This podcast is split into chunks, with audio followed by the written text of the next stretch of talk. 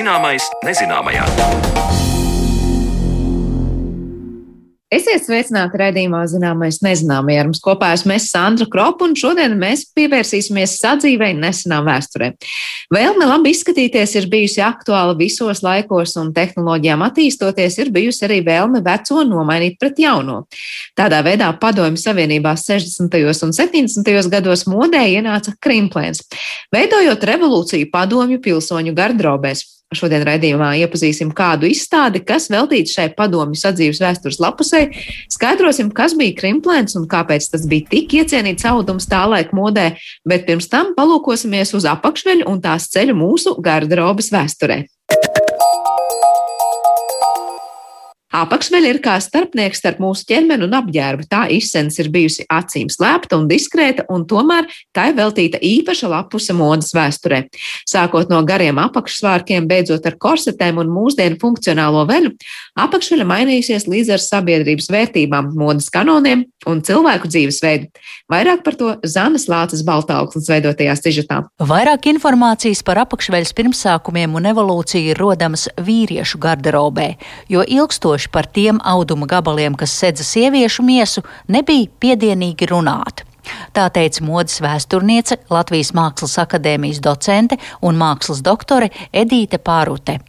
Attālināti ierakstītā sarunā ar viņu izsekosim apakšveļas attīstībai gadsimtu gaitā, tostarp krūšturu un garo apakšbikšu pirmsākumiem apakšveļu sāka lietot jau senajā Eģiptē. Tas varētu būt kaut kur ap 1550. gadu pirms mūsu ēras. Ir eh, parādījušās arī pirmās liecības par šādu apģērba kārtu lietošanu.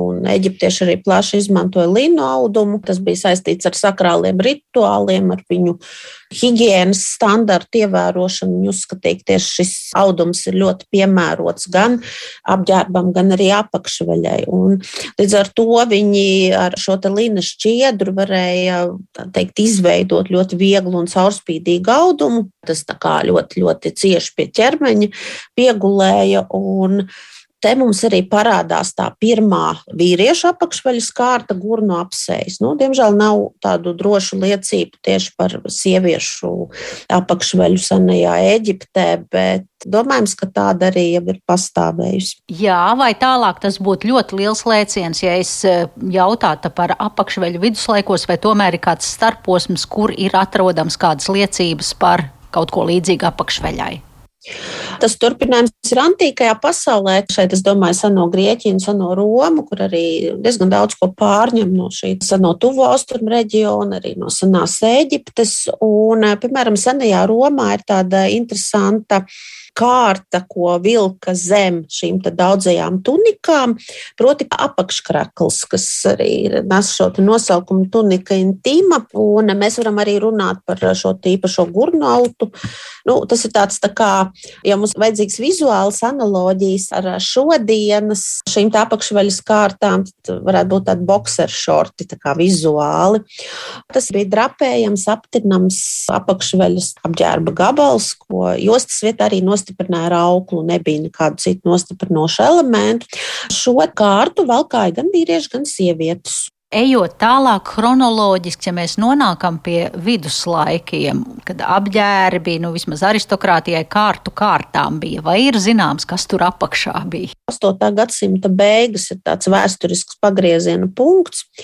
Franku impērijas ietekme paplašinās Eiropas zemēs, tur arī tas viss iet kopsolī ar kristietības izplatību, bet tur ir tās dažādas ciltis, un, protams, nonāk um, gan franki, gan citas Eiropas šīs ciltis, senās Romas savulaik pārvaldīto teritoriju tuvumā. Viņi, piemēram, pārņem langobardu un arī bizantiešu tradīcijas. Un, nu, ja mēs par tiem pašiem bizantiešiem runājam, tad tur jau arī ir diezgan tuvu šī romiskā un arī grieķiskā sakne. Un no šī perioda, starp citu, nāk liecības arī par langobardu valkātajiem tādiem tā kā gurnu apsējiem, gurnu autiem, kurus izmantoja jau senajā Romā. Bet tad ir vēl tāda interesanta apakšveļas kārta, kura nezaudē savu aktualitāti. Viņa patiesībā aktualizējas vēl 19. gadsimtā. Nu, viņam ir modes vēstures terminoloģijā tāds apzīmējums long john. Principā tas ir garās apakšbikses. Un šis jau ir tas laiks, tātad viduslaiki, Franku impērijas laiks. Tās ir tās garās apakšbikses, kuras it kā esot pārņemtas arī no langobardiem, un tad viņas tā kā evolucionē un, un izveidosies beigās tāds tā kā kombinezons. Nu, jā, tas gan notiek 19. gadsimtā, bet nu, jā, tie priekšnoteikumi ir jau šeit, jau viduslaikos. Un kas ir interesanti, ka šīs garās apakšbikses tika darinātas tā, ka tur bija arī ādas zolīta apakšā piestiprināta tā, lai nu, reizē tās apakšbikses varētu pildīt arī apavu funkciju. Tas ļoti interesants hibrīds. Un vēl par šo posmu runājot, gotu ciltis pirmās esot izmantojušas naktskraklus. Tāda varbūt apakšveļai tuva kategorija.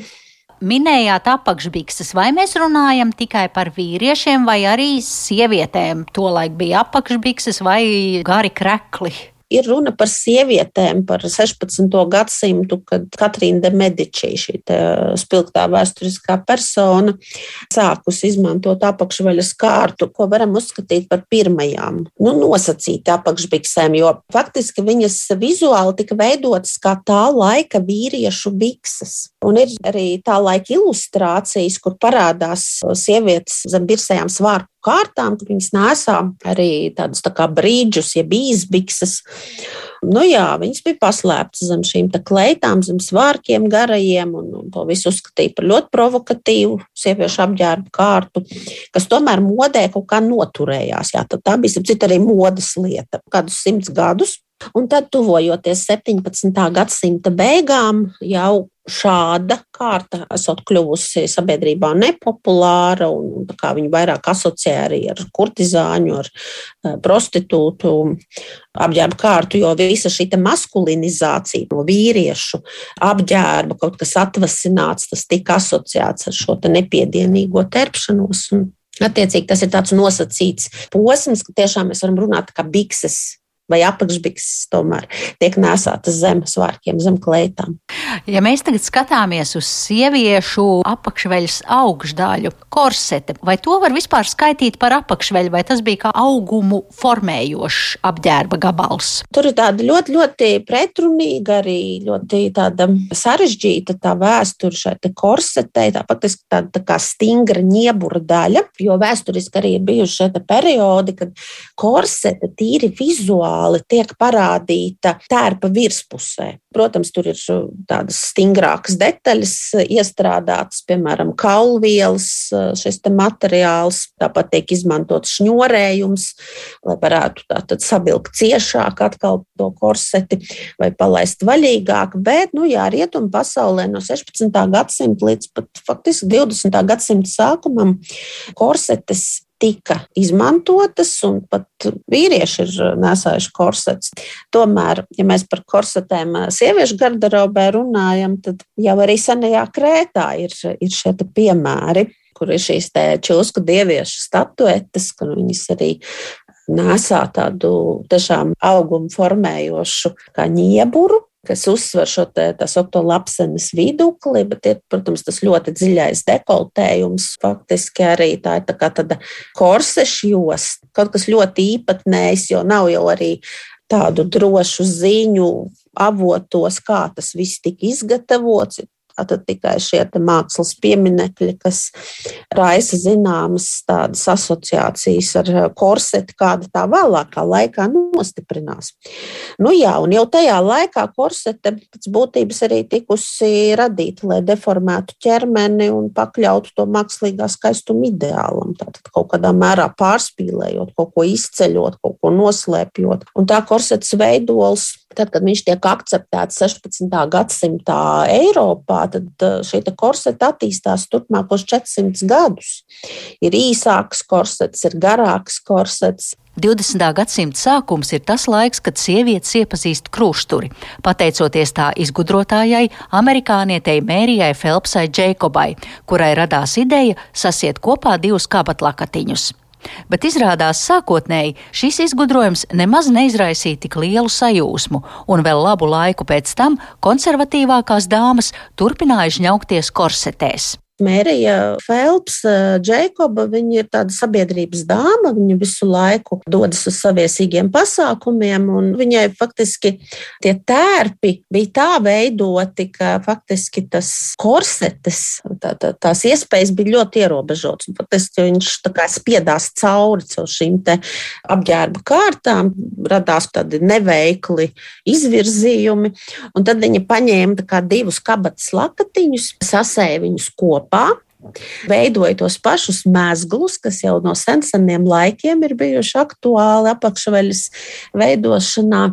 Nu, tas viņai tiešām e, esot arī noderējis, viņa to izmantoja, bet tā eksperimentēšana, kā ir vēstīts avotos, e, nu, viņi ir no 1907. līdz 1911. gadam, avotos atšķirās šīs ziņas. Nu, tad, tad tas ir laiks jau pirms šī 1914. gada, kad faktiski tas gatavais produkts tiek prezentēts plašākai sabiedrībai, viņš tiek patentēts beig beigās. Bet nu, nevarētu teikt, ka plašāka sabiedrība uzreiz ar, ar lielu sajūsmu pieņemtu šo izgudrojumu, komerciālus panākumus viņš negūst. Tālāk jau apģērbu ražotāji iesaistās šajā procesā, pilnveidojumi notiek.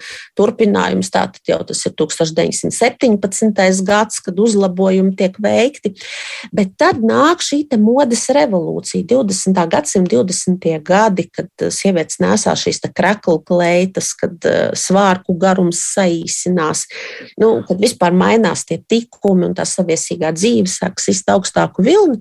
Un beig beigās tas Mērijs Felpsas Džekobs izgudrojums un patentējums, viņš tiešām ir akceptējams un viņš gūst jau tādu plašāku rezonanci un var teikt, ka turpina arī līdzās pastāvēt korseti. Jo ir tā konservatīvākā sabiedrības daļa, kas tomēr grib pieturēties pie šī formu veida principa, ka tas ķermenis tiek saspiests vai pielāgots noteiktam iedomātajam ideālam. Sākotnēji apakšveļas audumi ir lins, kokvilna un zīts. Līdz pagājušā gadsimta 30. un 40. gadiem, kad tās ražošanā sāk izmantot sintētiskus elastīgos audumus. Bet, kā stāsta Edīte Parute, ir bijis laiks, kad apakšveļu gatavoja no vilnas, un ne siltuma, bet higiēnisku apsvērumu dēļ. Ir pat tāds brīdis 19. gadsimta 80. gados, kad veselības un higiēnas standartu sasaiste liek radīt vilnas apakšveļu. Un par šīs vilnas apakšveļas aizstāvi sevi priekšā stāda sabiedrībai dr. Jēgers, viņš ir psiholoģijas profesors Štutgarts Universitātē. Bet viņš ir iegājis vēsturē kā tāds faktiski apakšveļas reformētājs. Nu, un jā, šī vilnas apakšveļa, kaut arī sākotnēji daļā sabiedrības kritizēta, viņa tika pieņemta kā higiēniskāka, kā tā, kas ir piemērotāka nesāšanai tieši uz ķermeņa. Bet vēl tieši šis 1880. gadu posms saistās arī ar tādu graznāku apakšveļu, ar uh, krāsainības ienākšanu, sāk izmantot zīdu. Jau drīz vien būs dažādi izšuvumi, lentītes, sīkas rišas, ir arī tie baltie darbi, uh, jeb angļu izšuvumi, kad tādus caurumiņus veido audumā un tad apšuj uh, šos caurumiņus, veidojot dekoratīvu rakstu rakstu. Tas viss tika izmantots vairāk uz 19. gadsimta otro pusi. Kad 1938. gadā ASV firma Dupont rada jaunu sintētisko materiālu neilonu, ko izmanto gan izpletņu, gan sieviešu zeķbikšu ražošanā, tad neilons ienāk arī apakšveļas darināšanā. Neilons, līdz ko tas tika atklāts, viņu diezgan aktīvi sāk izmantot gan zeķu ražošanā, gan arī apakšveļā iekļāva. Nu, tas ļāva radīt tiešām arī elastīgākus modeļus, ļāva variēt arī ar tām formām, un faktiski apakšveļa ar to brīdi jau tiek pakļauta tādām intensīvākām modes izmaiņām. Jau pēc otrā pasaules kara ļoti aktīvi izmantoja tieši neilona šķiedru. It kā tāds neelpojošs materiāls un ļoti īpatnējs, lai to lietot tieši apakšvaļā. Viņš savulaik tika uzskatīts par progresīvu, par daudz jautājumu atrisinātāju. Nevajadzēja vairs tur nekādas podziņas, āķīšus un neko citu, bet nu, viņi vienkārši varēja pastiept, kā vajadzēja. Dzirdējām Zanas Lācis Baltāksnes sižetu par apakšveļas vēsturi, bet raidījuma turpinājumā pievērsīsimies krimplēnam padomi laikā populārajam audumam.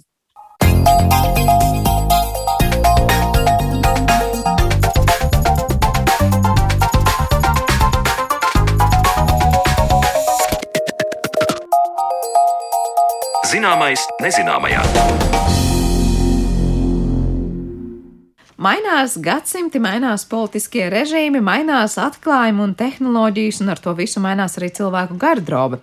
Latvijas vēstures muzejā šobrīd skatām izstādi, kas veltīta ļoti neparastam krājuma elementam - krimplēnam. Tas bija 60. un 70. gadu modes kliedziens, kuru nu jau mūsdienās ir izkonkurējuši jauni tekstili. Turpmākajās minūtēs mēs izzināsim krimplēnu un lūkosim skaidrot, ko par šo laiku Latvijas vēsturē var stāstīt tik šķietami sadzīviski lieta kā audums, un tieši tāpēc eh, šeit šajā raidījuma pusstundā mēs esam kopā ar Latvijas Nacionālā vēstures muzeja pārstāvjiem, šeit izstādes veidotāji Imants Cīrulis un Agnija Ciglinieca studijā. Tad Imants mums ir jauno un jaunāko laiku vēstures pētniecības nodaļas vadītājs un Agnija savukārt šīs pašas nodaļas krājuma glabātāja. Labdien! Labdien! Labdien. Uh, un telefoniski mēs esam sazinājušies ar mākslinieci Annu Aisilnieci, kuras kolekcija ir skatām šajā izstādē. Labdien, Anna! Labdien! Sākšu pirms ar to, kam radās ideja veidot izstādi par audumu, kas, var teikt, no savu uzplaukumu piedzīvoja pirms vairākām desmitgadēm. Sākšu ar studiju esošiem muzeju pārstāvjiem, tad droši vien Annai došu vārdu par to, kāda tā kolekcija skatām. Uh, Imant? Jā, laikam jāsaka to mūsu veiksmīgā sadarbība izstādē Latvijas gadsimts, kas bija 2018. gadā, un ar Annu aizsilnieci izveidojās ļoti veiksmīga šī sadarbība. Viņa aizdeva mums uz izstādes laiku tādus ekstravagantus, mūsdienās darinātus tērpus, improvizāciju par tautisko apģērbu, darināt no pavisam nu, ne, neierastiem mūsdienu materiāliem. Un šo sadarbību turpinot, pavisam nesen, pagājušā gadā, ja nemaldos, Jā. um, radās doma. Izmantojot Annas aizsilnieces ļoti bagātīgo privāto kolekciju, tērpi no nu, padomi laika, apvienot to ar mūsu muzeja krājumā esošo krimplēnu apģērbu un radīt tā šādu ļoti nu, specifiskai tēmai uh, veltītu izstādi. Uh, kas ir tas, kas muzejā jau bija no krimplēm? Pirms es dodu Vannai vārdu. Muzejā aptuveni uz šo brīdi ir aptuveni 15 krimplēna apģērbi. Tās ir kleitas, tie ir vīriešu uzvalki, arī daži peltkostīmi. Nu, pārsvarā tās gan ir kleitas. Jā, tas jau vienvārds izskatās interesanti, par ko parunāsim, ka viens audums, bet gan peltkostīmi, gan kleitas, gan uzvalki. Tā, tāds... un arī, arī pavasara, vasaras metālīši arī tiek, dar, tika darināti no krītas. Plašs pielietots. Ļoti plašs, jā. Uh, Anna, kas ir jūsu kolekcijā un kā tas nonāca muzejā? Nu, es jau no jaunības vācu tādus senlaicīgus apģērbus. Man, nezinu, tas sākās jau bērnībā, kad es dzīvoju laukos un bērniņos bija vecmāmiņas kleitas, ulmeņu laiku zīda. Un tad vēlāk es viņas valkāju, kad mācījos Mākslas akadēmijā, un pēc tam kaut kā tās vecmāmiņa klētas pie manīm, arī nu, rad, citu radu klētas pie manīm nokļuva un, un sāka krāties. Un tad, kad es sāku darboties ar modi, tad, nu, tad arī šī kolekcija papildinājās vēl vairāk. Kas jūsu uzmanību tieši piesaistīja šajā krimplē naudamā? Varbūt varam izstāstīt eh, klausītājiem, arī tie, kas nav piedzīvojuši padomju savienībā šo apģērbu gabalu, var teikt, nu savā gardrobē nav, nav likuši, kāds tas audums ir un vai tam ir mūsdienās kaut kāds vairāk tuvākais līdznieks. Es ne, neesmu vākus tieši krimplēnu, uh, nu, bet uh, nu, tā kolekcija ietver visu, kas ir padomu laikos bijis, bet uh, nu, tur jau tas krimplīna klētas bija pārsvarā, jo viņas bija ļoti uh, viegli kopjamas un, un, un saglabāja formu, un, ne, un, uh, un arī viņas tik ātri nesaplīsa. Kāds izturīgs materiāls. Un, jo tajos laikos tik bieži apģērbs nemainīja.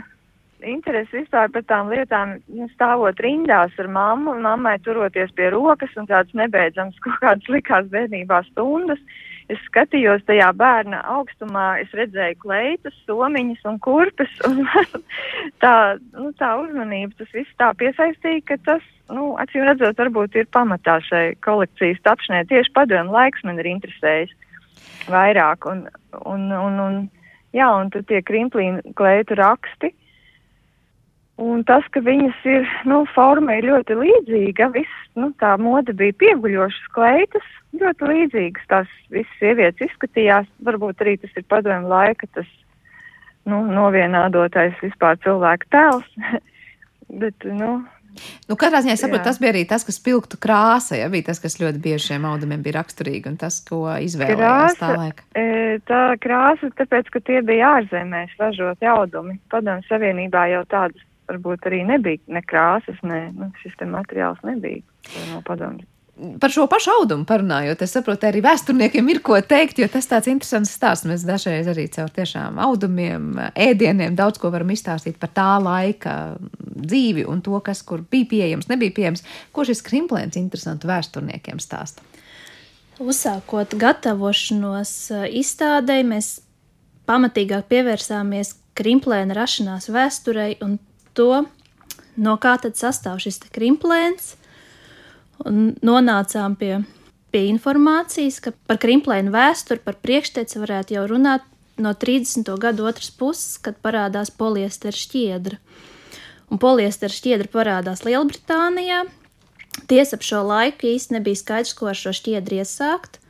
Un tad 41. gadā Lielbritānijas kompānija eh, Imperial Chemical Industries nopirka patentu šim materiālam un radīja pavisam jaunu, interesantu materiālu, ko sauc par terilēnu. Un krimplēns ir poliestera terilēna šķiedra, un, um, uh, bet šajā laikā no terilēna šķiedras radīja audums, ko izmantoja ražošanā vairāk tādiem neapģērbam, tehniskiem, tehniskiem, jā, tehniskiem darbiem. Un par krimplēnu mēs varam sākt runāt no 1959. gada, kad šī kompānija ir radījusi krimplēnu un piešķīrusi um, firmas zīmi nosaukumu krimplēns. Gan dzijai, gan audumam. Es saprotu, tas vispār no krimpla ielais nāk, ja tāpēc arī tas nosaukums tās, tās ir geogrāfisks patiesībā. Tieši tā, tās dzīmenes. teorijas ir divas, no kā ir radies nosaukums. Vien, viena no teorijām ir, ka Krimplēna nosaukums ir radies no Krimpla ielas, kur atrodas šī laboratorija, bet ir arī otra teorija, ka šis nosaukums radies no Krimpla, ko, kas nozīmē gofrēt, pūkot, un lēns, kas ir no šī te terilēna galotnes. Ah, tur tiešām arī loģisks jā, salikums veidojas. Tā, jā. Ja man tam laikam bija kas piebilstams. Un būtiski laikam ir tas arī tādā plašākā laikmeta kontekstā, kā jau Agnija minēja, tas ir ārkārtīgi moderns materiāls. Jau pati šī šķiedra, tas ir naftas pārstrādes, nu varētu teikt, produkts, simtprocentīgi nafta, ja tā var teikt, kas atbilst 20. gadsimta otrās puses tādai vispārīgai tendencei. Cilvēks kļūst neatkarīgs no dabiskiem, tātad organiskiem materiāliem, pats rada sev tādu šķiedru, kas ir ērti, ļoti parocīgi, vērpjama, aužama, apstrādājama. Nu, tā ir tāda. Um, nu, kā mēs iztēlojamies 60. gadu rietumos, ir sevišķi šo vieglumu sajūtu, uh, jaunas frizūras, jaunas modes, un, un, un arī jauna arhitektūra, jauns dizains. Un, uh, krimplīna apģērbs ir kā, nu, kā varētu teikt, tāds simptomātisks parādība šādai vispārējai kustībai. Var teikt, tajā laikā noteikti no nu, ar tādu lielu sajūsmu uztverts, ja? bet jautājums, es nezinu, kā tas ir, kā bija vēl kā to apģērbu. No vienas puses neburzījās un ērts, bet tā bija tāda, nu, kā mēs šodien teiktu, sintētika ar slikto nozīmi, proti tāda ne, nepatīkama pie ādas, ne īpaši maiga un pieguļoša. Tieši tā. 60. gados, kad, par, kad krimplēna popularitāte rietumu pasaulē ir būtiski savā zenītā. Uh, krimplēnam ir brīnišķīgas īpašības.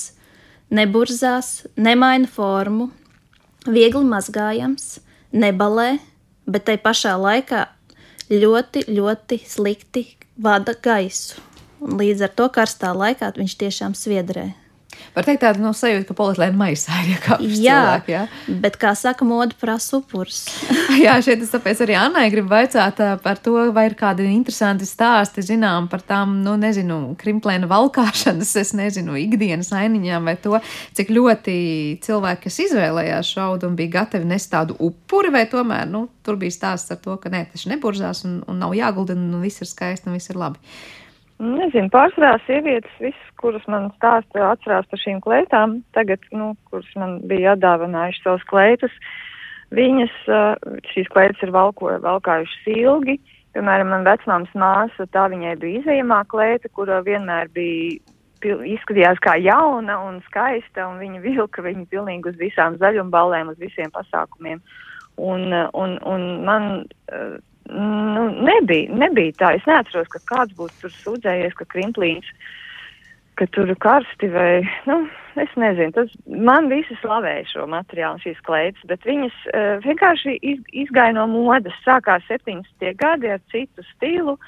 Uh, tur bija bītlenes un svārciņi un zemes toņi un, un brūns un rūtains un tur uzplecīši un kaut kādas militāras detaļiņas un izmainījās. Nu, nu, cilvēki sakoja modei un, un krimplīns vairs nebija modē. Var teikt, neatrada vietu tajā, ja, klāstā, kas bija 70. Jā, nu gados jāveido. Nu jā, nu bija jāsako modei, un tāpēc arī tas, tas, bet laukos, tāpēc arī man to, ka šo klētu ir tik daudz, ka laukos cilvēki viņas turpināja valkāt, ar viņām ravēja dārzus, rāka kartupeļus, tāpēc, ka tā kleita, nu, sievietes, un tur nemaz Nenovalkājami. biksēm, biksēm tā nedzīvo, tur ir pieņemts kleitā strādāt un, un, un iet uz kūti, un tad tās krimplīna kleitas arī, nu, tiek valkātas dien dienā joprojām, un es aizvien vēl zinu 80 gadīgas sievietes, kuras staigā šajās kleitās, ja vien viņas izmērs tādu, nu, der. Var teikt, audums ir nenovalkājams. Jā. Jā, ne, pilnīgi nenovalkājams, un krāsa arī nav izbalējusi.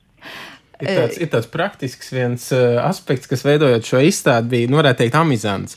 Jo uh, šī bagātīgā Annas aizsilnieces kolekcija, tad mūsu muzeja krājums, un mēs uzrunājām vēl blakus tam sabiedrību, lai mums piedāvā savus tērpus, apjautājām arī savus kolēģus, lai dāvina vai aizdod uz izstādes laiku.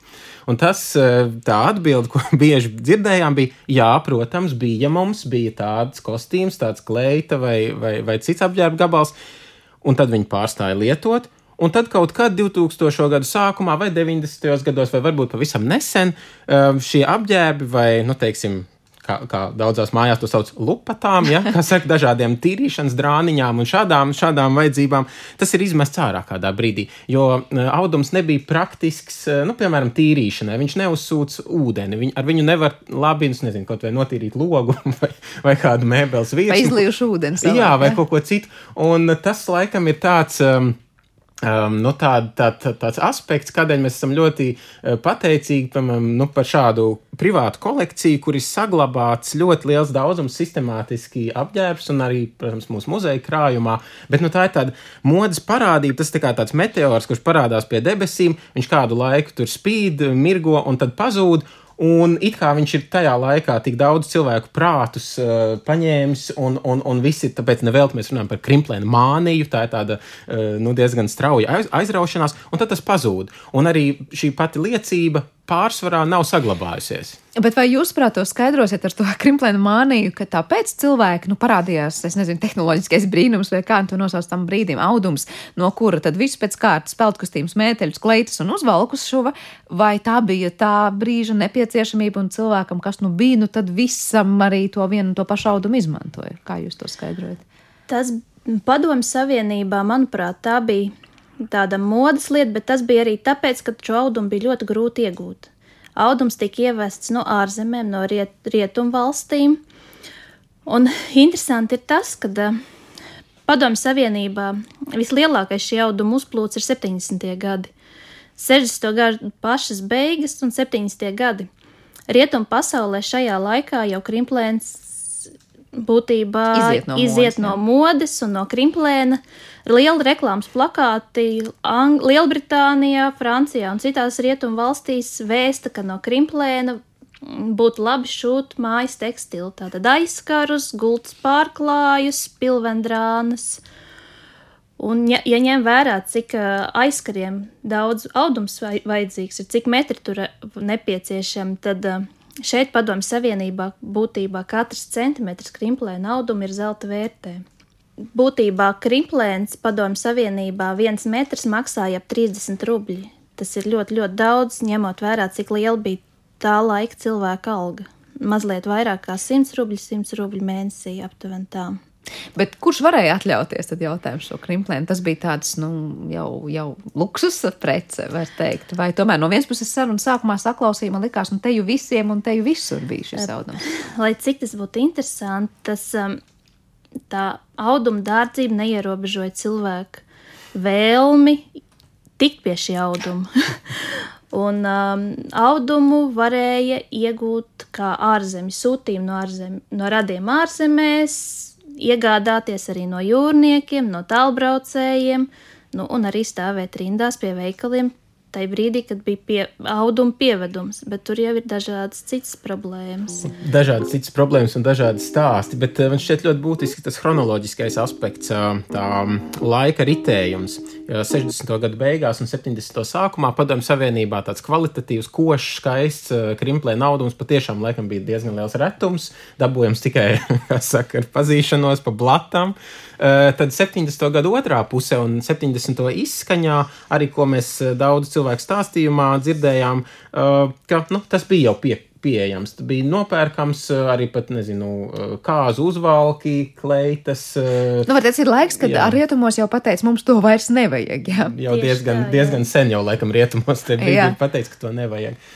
Un vēl šajā visā rietumu un austrumu bloka, tā teikt, salīdzinājumā, viņpus un šai pus dzelzs priekškaram ļoti būtisks ir šī, um, nu, tas, cik, cik pieejams tas krimplēns ir, un varbūt tāpēc arī ir tā mānija šeit tik izteikti, ka tas ir nu, tāds pa pusē aiz, nu, negluži aizliegtais auglis, bet tik ļoti normēts, tik ļoti dozēts, tik ļoti nepieejams.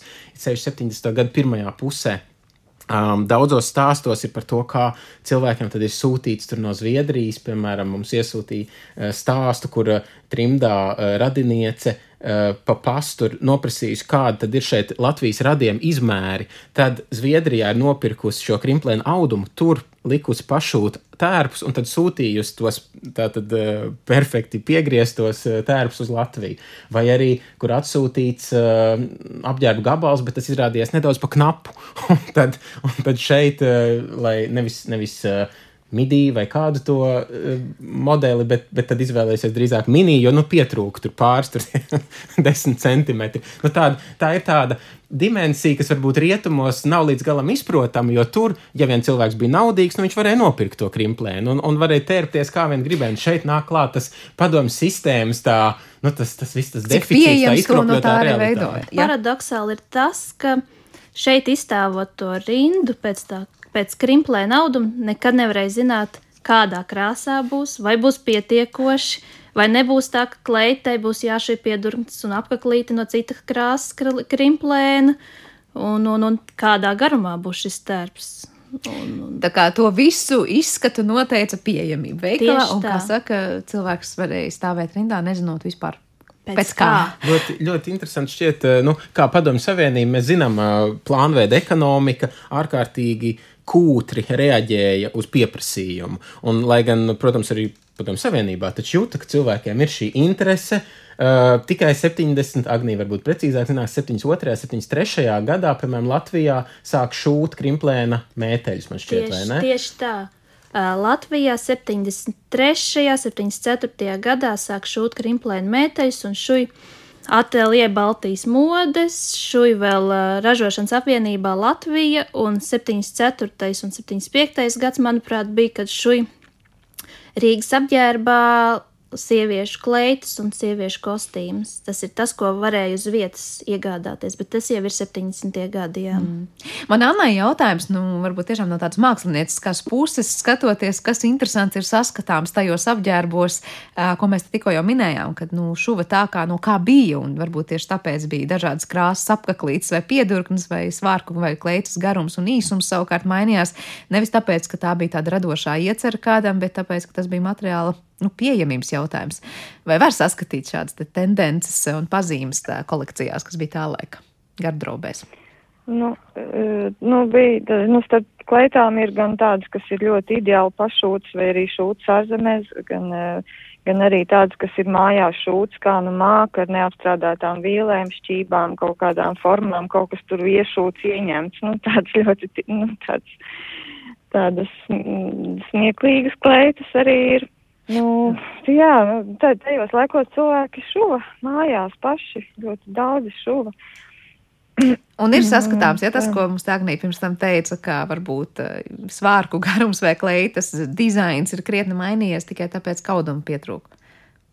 Nu, var, varbūt jā, varbūt arī cilvēks paliek, uh, nu, maina, maina, nu, kādam vai at, atdegs to klētu, un tad tā klēta tiek pāršūta citam cilvēkam pēc viņa izmēriem vai patikšanas, vai, vai ir, piemēram, man arī kleitiņas, kas ir nu, no krintlīna auduma uzšūta jau varbūt tuvu pie 80. gadiem kleita, kas jau izskatās pilnīgi citādāka, bet uh, audums ir tas pats. Bet, bet nav tā, ka krimplīns izbeidzās. 80. gados arī bija šie sintētiskie materiāli, tikai viņi jau bija nedaudz plānāki, mīkstāki, bija uzlaboti.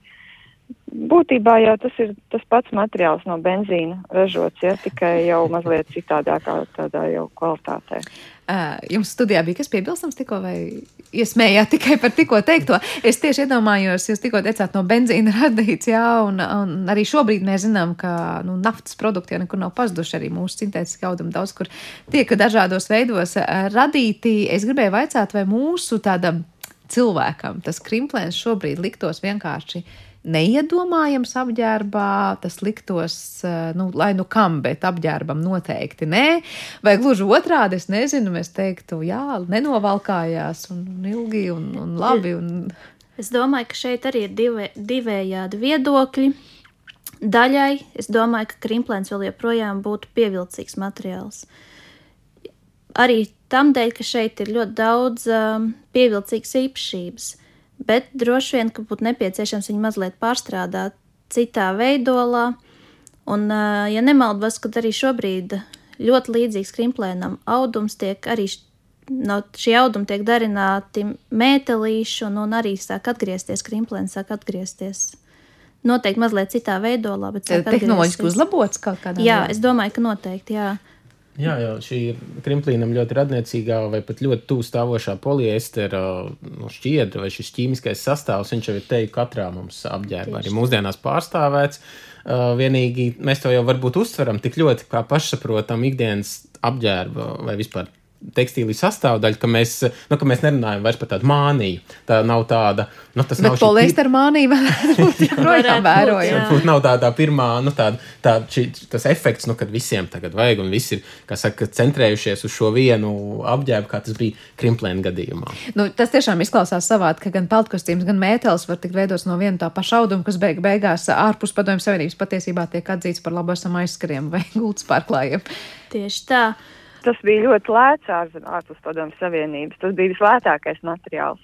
Jā, tas, ko mēs patiesībā iezīmējam, ja tik cik šeit tas bija nepieejams un gandrīz katrs centimetrs no svara, tik ārzemēs to varēja atļauties aizskariem.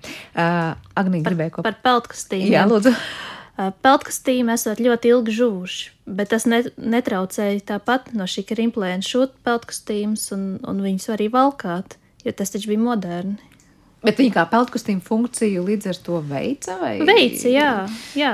Bet vai tad, vai tad mūsdienās ir kāds peltkostīms no dabīga materiāla? Es domāju, tu, man asociējās padomju laika peltkostīm tieši ar tādiem kokvilnas eh, slikti žūstošiem un galīgi nepieguļošiem peltkostīmiem. Bet uh, laikam, nu jā, dažādos laikos dažādi tie ir bijuši jā. arī padomju laikā.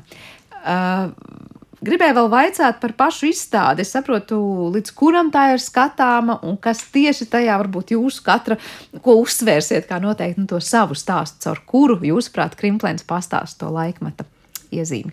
Uh, Jā, iz, izstāde ir skatāma Latvijas Nacionālajā vēstures muzejā, Brīvības Bulvārī 32. Um, līdz, līdz, ilga? līdz nākamā gada sākumam, līdz janvārim vai februārim, kad tas atdos vietu nākamajai izstādēji. Um, un uh, izstādē redzami pār pa 50 dažādi krimplēna tērpi.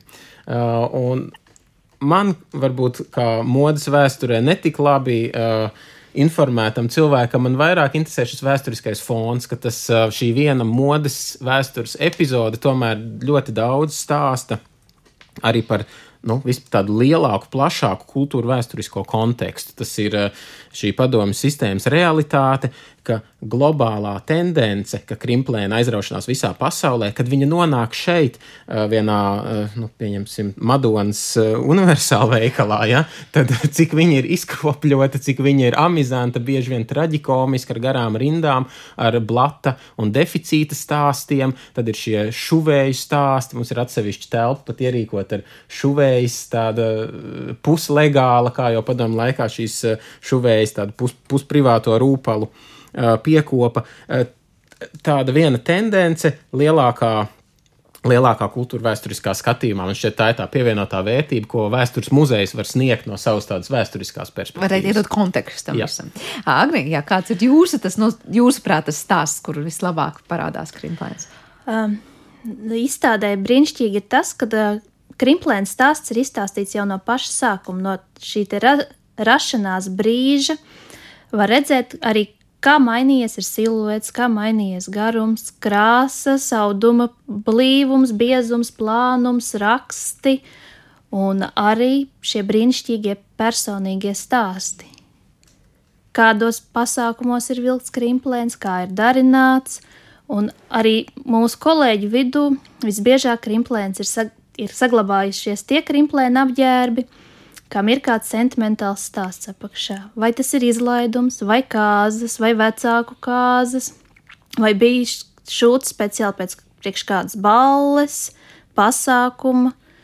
Un šie stāsti mūs aizved tādā vēsturiskos kontekstos, vēsturiskās domās par to, kā, kā tad toreiz bija, kādiem pasākumiem, un šis krimplēns tiešām pamatā tiks svētkiem, šūtas svētkiem, un pēc tam arī vilkts ikdienā. Kā... Jā, un kā mēs dzirdējām, arī pat uh, uzkūtījot vai dārzā. Jā, tā ir taisnība. Mana vecmāmiņa vēl līdz pat izstādes tapšanas brīdim bija no klēts pāršu, no krimplēna klēts bija pāršuvus svārkus, un vēl joprojām viņas vilka. Jā, līdz, kā... es, līdz es pierunāju, atdot tā teikt, izstrādāt. Var teikt, tiešām šis apģērba gabals ļoti transformējies savu mūžu laikā. Annai, tad noslēdzošais vārds, kas jums liekas tas interesantākais stāsts, kuru Krimplēns izstāsta? Man, nu, man tā kolekcija tika vākta ne, ne dēļ Krimplēna, bet dēļ kleitas kā stāsta vispār. Nu, šie tērpi, jebkuri sanāk senāki tērpi, viņi ir atslēgas uz atmiņām, uz paudžu atmiņām. Un caur šiem tērpiem mēs varam savienoties ar saviem nu, senčiem, ar vec, vecmāmiņām, ar tautas vēsturi, ar, ar šīs vietas kaut kādām at, nu, vēsturiskām atmiņām. Un tā, manuprāt, ir vērtība, dēļ kā es šos tērpus glabāju kāpēc viņiem ir vieta muzejā. Jā, tiešām paldies tādiem cilvēkiem Jā. kā jūs, kas viņus glabā, savāc un pēc tam, var teikt, pateicoties tādām kolekcijām, var tapt arī tādas apjomīgākas izstādes un tie nonāk muzejos. Un es domāju, ka šajā raidījuma pusstundā mēs gan daudz ieskicējām stāstus ap un par Krimplēnu, līdz ar to es domāju, daudziem varētu rasties ideja, nu tad iešu paskatīties to visu dzīvēm. Tad tas līdz pat gada beigām vai nākamā gada sākumam ir apskatāms Latvijas Nacionālajā vēstures muzejā. Paldies jums visiem trim par šo sarunu. Es atgādināšu, ka mēs Mēs bijām kopā telefoniski ar mākslinieci Annu Aisilnieci šeit studijā kopā ar Latvijas Nacionālā vēstures muzeja pārstāvjiem uh, Imantu Cīruli un Agniju Cigalnieci. Ar to arī raidījums ir izskanējis un paldies par to producentē Paulai Gulbinskai, par mūziku parūpējās Girds Bišs, uh, Kristīna Delbīs, skaņu režijā un es Sandra Kropa jums kopā studijā. Mēs tiekamies jau pavisam drīz, lai mums visiem veiksmīga diena un visu labu!